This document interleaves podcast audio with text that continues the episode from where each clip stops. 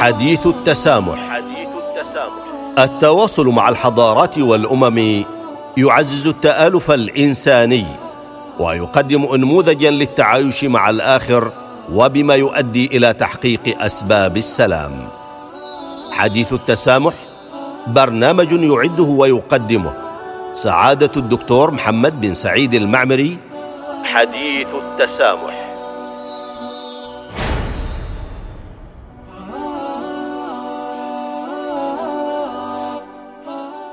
بسم الله الرحمن الرحيم. الحمد لله والصلاة والسلام على رسول الله وعلى آله وأصحابه أجمعين والتابعين لهم بإحسان إلى يوم الدين. أيها المستمعون والمستمعات الأعزاء جميعا السلام عليكم ورحمة الله تعالى وبركاته واهلا ومرحبا بكم في إذاعة الصمود وفي حلقة جديدة من حديث التسامح. إن عظمة الإنسان مقرونة دائما بإنسانيته واستشعاره حاجات ومعاناة غيره. وكذا الوقوف معهم وإلى جانبهم ومساعدتهم متى ما أمكن في توفير مقومات الحياة الأساسية. ولنا في حياة الرسول صلى الله عليه وآله وسلم رسول الإنسانية الذي أرسله الله تعالى رحمة للعالمين عبرا ودروسا. فقد شهد له أعداؤه قبل أتباعه بإنسانيته وعطاءاته وكان صلى الله عليه وآله وسلم مثلا أعلى في التكافل الاجتماعي ساعيا لتحقيق التضامن بين الناس لينعم الجميع بالكرامة والاستقرار بعيدا عن كل منغصات الحياة. وهنا وصف من الخبير الاجتماعي الدكتور محمد الصملوطي حيث يصف النبي صلى الله عليه وسلم في توجيهاته الاجتماعية فيقول توجيهات الرسول الاجتماعية تستهدف تضليل المجتمع بمظلة تكافلية واجتماعية إنسانية تحقق المؤاخاة الحقه وتجعل المجتمع يكفل بعضه البعض ويوفر قادرهم احتياجات غير القادر منهم وتحفظ للمحتاج كرامته. إن صور التكافل والتضامن في المجتمع المسلم يختصرها قوله صلى الله عليه وآله وسلم لا يؤمن أحدكم حتى يحب لأخيه ما يحب لنفسه فجعل صلى الله عليه وسلم من واجبات المسلم القادر تجاه أخيه المحتاج الوقوف إلى جانبه دون من ولا أذية وربط ذلك بالإيمان فقال لا يؤمن أحدكم حتى يحب لأخيه ما يحب لنفسه. ومن الأدوات التي تساهم في تحقيق التسامح والتكافل الاجتماعي في ظل الأزمات ما يذكره بعض المفكرين الاقتصاديين من ضرورة وجود مؤسسات تضمن لأصحاب الحاجات من فقراء ومساكين وغارمين وغيرهم حياة كريمة. ومثالا لذلك في سلطنة عمان تنتشر لجان الزكاة الواقعة تحت إشراف وزارة الأوقاف والشؤون الدينية والجمعيات الخيرية المنتشرة في ربوع السلطنة تحت إشراف وزارة التنمية الاجتماعية. فالزكاة والصدقات لا تساعد المحتاج فحسب بل تحقق للغني اهدافا روحية واجتماعية ولها العديد من الآثار الاقتصادية الإيجابية. وتعزز استقرار المجتمع. يقول الله عز وجل خذ من أموالهم صدقة تطهرهم وتزكيهم بها وصل عليهم إن صلاتك سكن لهم والله سميع عليم. وقد جاء عن النبي صلى الله عليه وسلم جملة من الأقوال والتعاليم التي أسست مبدأ التسامح المفضي إلى التكافل في المجتمع. ومنها قوله عليه الصلاة والسلام من كان عنده فضل زاد فليعد به على من لا زاد له وجاء أيضا أيما أهل عرصة وهو الحي أو المكان أصبح فيهم امرؤ جائع فقد برئت منه ذمة الله تبارك وتعالى وعن ابن عباس رضي الله عنهما أن النبي صلى الله عليه وسلم قال ما زال جبريل يوصيني بالجار حتى ظننت أنه سيورثه. ومما نستشفه من هذه الأحاديث أن الخطاب يتجه إلى المسلمين وغير المسلمين في مجتمع المدينة. فلا توجد خصوصية للمسلم في هذا المستوى من التكافل الاجتماعي على غير المسلم. وهكذا أسس الرسول مجتمعا قائما على التسامح والتضامن والتكافل الاجتماعي. فالجميع جسد واحد في الإحساس بالألم والشعور به والمشاركة فيه فضلا عن أنهم جميعا سواسية في تحقيق التضامن والتكافل المنشودين. ومن آثار ذلك في الأزمات تماسك المجتمع وصلابة بنيانه ومقدرته على الوقوف في وجه التحديات الداخلية والخارجية وكذا انتزاع أسباب الكراهية والخوف والحسد من المجتمع المتكافل تدفعه نحو العمل والبناء والإنتاج مما يدفع بعجلة التنمية قدما.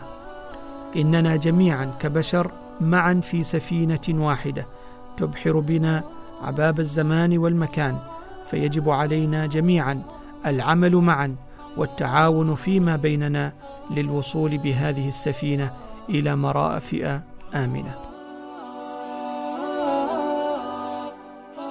ومن المهم في هذا الإطار التعريج إلى موضوع آخر مهم وهو الناشئة وغرس قيم التسامح والتفاهم والمؤتلف الإنساني.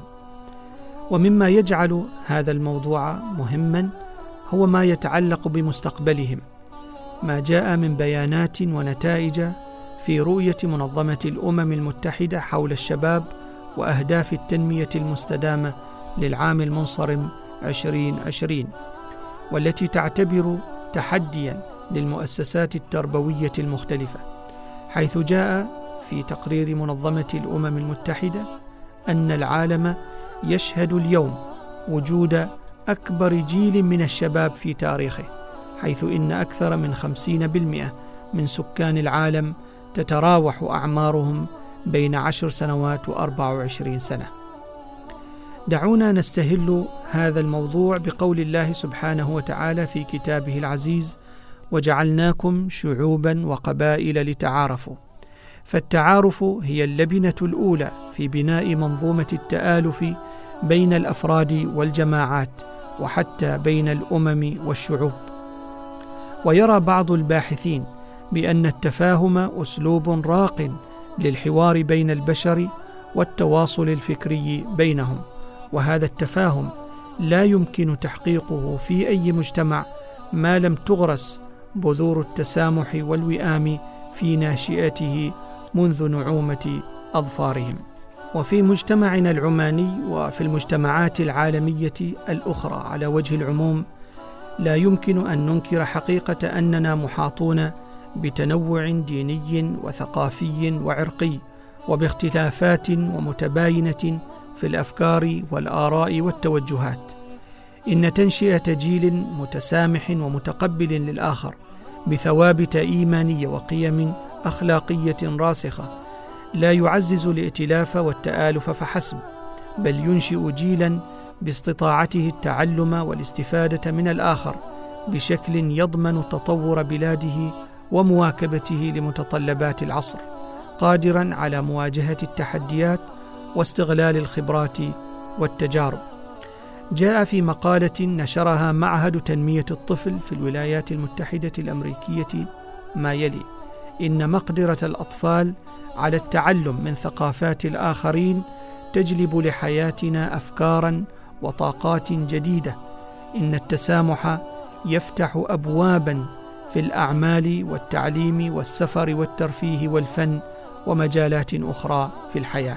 وإن مما لا شك فيه أن قدرة الأطفال وحتى الأفراد على الدراسة والعمل مع الآخرين يعزز فرص حصولهم على مستقبل مهني ناجح وفي عالمنا المعاصر والمتسارع لا يوجد أدنى شك بأن الآخرين وفي أحيان كثيرة لا يشاطروننا نفس الأفكار والتوجهات فالقدرة على احترامهم وتقدير الاختلافات بينهم أصبح جزءا حيويا من حياتنا المعاصرة وخصوصا في بيئة الأعمال.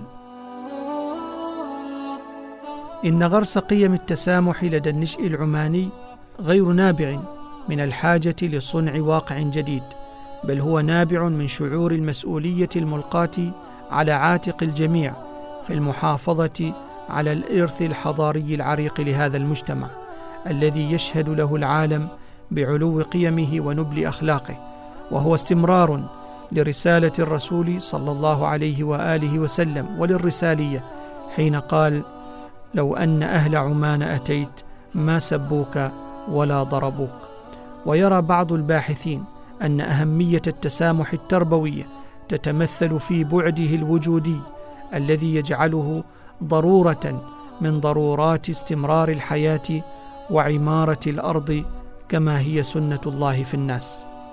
ومع انتشار خطاب الكراهية في عالم اليوم المضطرب وانفتاح فضاءاته وقدرتها المقلقة على الوصول لمختلف فئات المجتمع بأي مكان وفي أي زمان أصبح من الضرورة بمكان بناء منظومة وطنية متكاملة ومترابطة تحتضن النشأ وتوجهه بوسائل وطرائق متعددة في مختلف المراحل وفي محافل متنوعة مع التركيز على تأصيل قيمة الوطن والمواطنة الصالحة التي تجعل الفرد يرى مصلحة الوطن ويرفعها على المصلحة الذاتية في دائرة من الاعتدال المستلهم من القواعد الشرعية والقوانين الموضوعه ونختم هذه الحلقة بالخطاب الذي ألقاه السلطان قابوس بن سعيد طيب الله ثراه عام 2011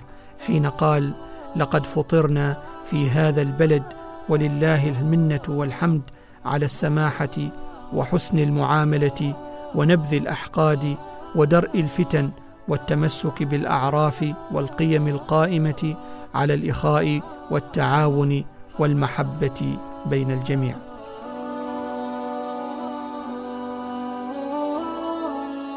وإننا نؤكد على ضرورة أن تغرس هذه السجايا الحميدة والقيم الرفيعة في نفوس النشء منذ نعومة أظفارهم في البيت والمدرسة والمسجد والنادي وغيرها من محاضن التربية والتثقيف لتكون لهم سياجا يحميهم من التردي في مهاوي الأفكار الدخيلة التي تدعو إلى العنف والتشدد والكراهية والتعصب والاستبداد بالرأي وعدم قبول الآخر وغيرها من الأفكار والآراء المتطرفة التي تؤدي إلى تمزيق المجتمع واستنزاف قواه الحيوية وإيراده موارد الهلاك والدمار والعياذ بالله.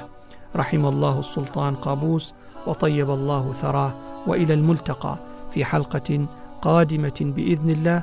إلى ذلك الحين نستودعكم الله الذي لا تضيع ودائعه. والسلام عليكم ورحمة الله تعالى وبركاته. حديث التسامح. حديث التسامح التواصل مع الحضارات والأمم يعزز التآلف الإنساني. ويقدم انموذجا للتعايش مع الآخر وبما يؤدي إلى تحقيق أسباب السلام. حديث التسامح برنامج يعده ويقدمه. سعادة الدكتور محمد بن سعيد المعمري. حديث التسامح.